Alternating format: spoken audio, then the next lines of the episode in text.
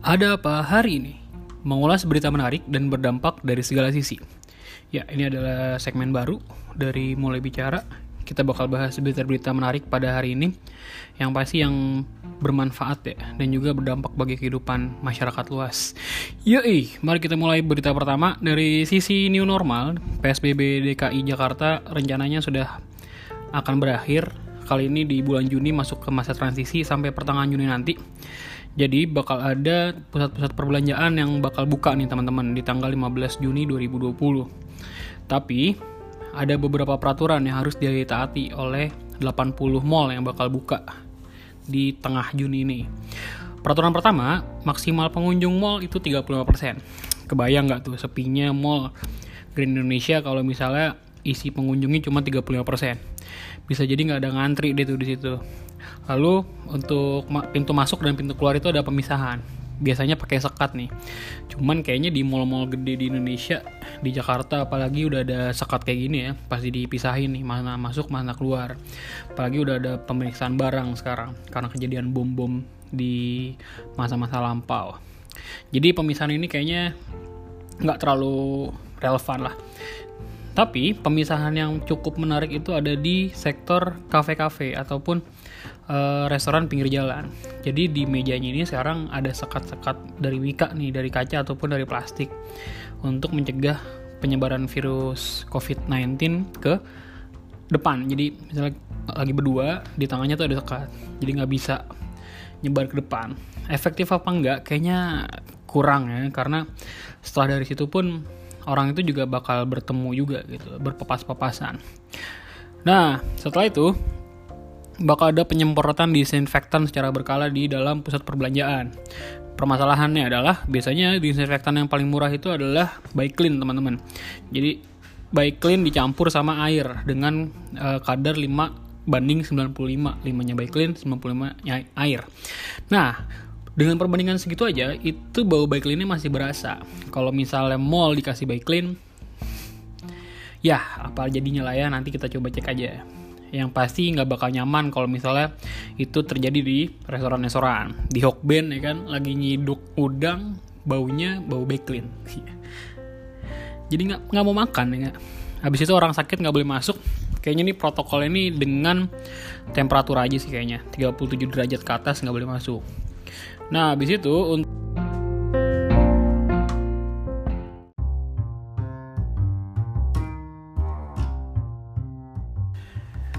Oke, di sesi berita kedua ada dari ekonomi nih, IHSG ditutup turun 2,2 persen, yang sebelumnya cuan naik terus sampai 5 ribuan kalau nggak salah. Sekarang turun di 2,2 persen. Sekarang di 4.900. Nggak tahu nih lagi cuan apa nggak teman-teman yang main market sekalian. Jadi ternyata tidak bisa diprediksi walaupun Indonesia udah bilang bakal new normal, IHSG mulai naik, ternyata anjlok lagi. Masih kurang tahu ada apa di bursa market hari ini. Kayaknya bakal turun lagi di hari berikutnya. Jadi coba kita pantau aja ya. Mulai dari 10 Juni 2020. Ada apa nih di IHSG? Tapi ada kabar baik di sektor investasi emas. Investasi emas itu per kilonya udah masuk ke angka 1700 dolar. Eh sorry, 1700 atau 17 ribu. Kalau nggak salah 1700. Jadi udah lumayan uh, aman ya untuk sektor investasi emas. Uh, emas. Jadi terserah nih mau ngambil market obligasi, mau ngambil market saham ataupun ngambil investasi yang bentuknya barang atau emas. Oh iya, pemerintah juga menyarankan untuk BUMN dan juga korporasi untuk menahan keinginannya untuk menyebarkan surat obligasi. Takutnya makin lama makin makin susah lagi buat nanti bayar obligasinya di ke depannya. Walaupun uh, dolar ke rupiah sekarang udah mulai menguat lagi di 14.080 rupiah. Ya, ini baik ya sebenarnya, tapi bisa jadi angka ini bakal naik lagi jadi 16.000 lagi bisa jadi saat nanti Amerika mulai memulih dari konflik internal dan konflik dari si COVID-19 di Amerika. Nah, buat teman-teman gimana nih? Mau beli dolar sekarang apa nggak usah? Susah menguat kalau kata The Fed. Nah, udah ya di bagian ekonomi dan juga di new normal. Tapi pertanyaannya adalah apakah Indonesia udah cukup matur untuk bisa mengubah kebiasaannya ke kebiasaan baru atau new normal. Tapi gue bingung ya kalau kata Gofar sih ini bukan new normal ya. Kalau new normal itu sebenarnya mengubah uh, kebiasaan kita ke kebiasaan yang lebih baik itu harusnya new normal.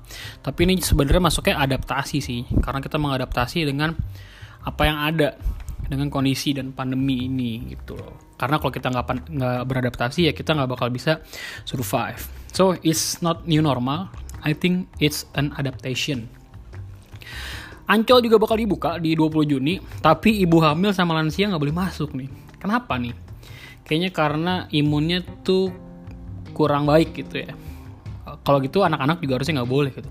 Remaja aja. Tapi gimana teman-teman masih mau kancol? Gue saranin sih jangan lah ya. Lalu untuk ya ini kacau sih di Indonesia sekarang 1032 penambahan pada hari ini. Miris ya. Yaitu uh, logis sih karena kita ngelihat KRL, bis itu udah mulai penuh lagi. Udah mulai antriannya panjang lagi. Jadi kalau misalnya pembatasannya itu ada di dalam kereta ataupun di antrian, tidak berlaku di luar antrian. Jadi seakan-akan pemerintah menutup mata nih, di luar antrian malah berdesak-desakan. Kayak gitu. Kita pindah ke Twitter. Di Twitter lagi apa nih? Trendingnya trending-trending buzzer sih kayaknya nih. Trending yang pertama nih Uin Malang sadar ini sama kayak undip kok jahat kayaknya. Ini masalah UKT pas ini. Coba kita klik aja. Ya bener, ini masalah UKT. Lalu ada tolak kebijakan tanpa kebijaksanaan di UIN Malang. Oh ini masalah mahasantri nih di sini nih. Masalah dana sih yang banyak kan. Iya jadi semua kampus itu udah mulai melaksanakan webinar ya. Jadi uh, kuliah di jarak jauh menggunakan sistem seminar web nggak tahu apakah ini efektif apa enggak yang jelas memakan kuota dan nggak semua kampus memberikan subsidi kuota bagi mahasiswanya. Undi pun setahu gua memberikan 10 giga buat mahasiswanya. 15 menit per matkul dikali berapa pertemuan tuh? Cukup nggak? Harusnya sih cukup ya kalau itu nggak dipakai buat main game ataupun download yang lain.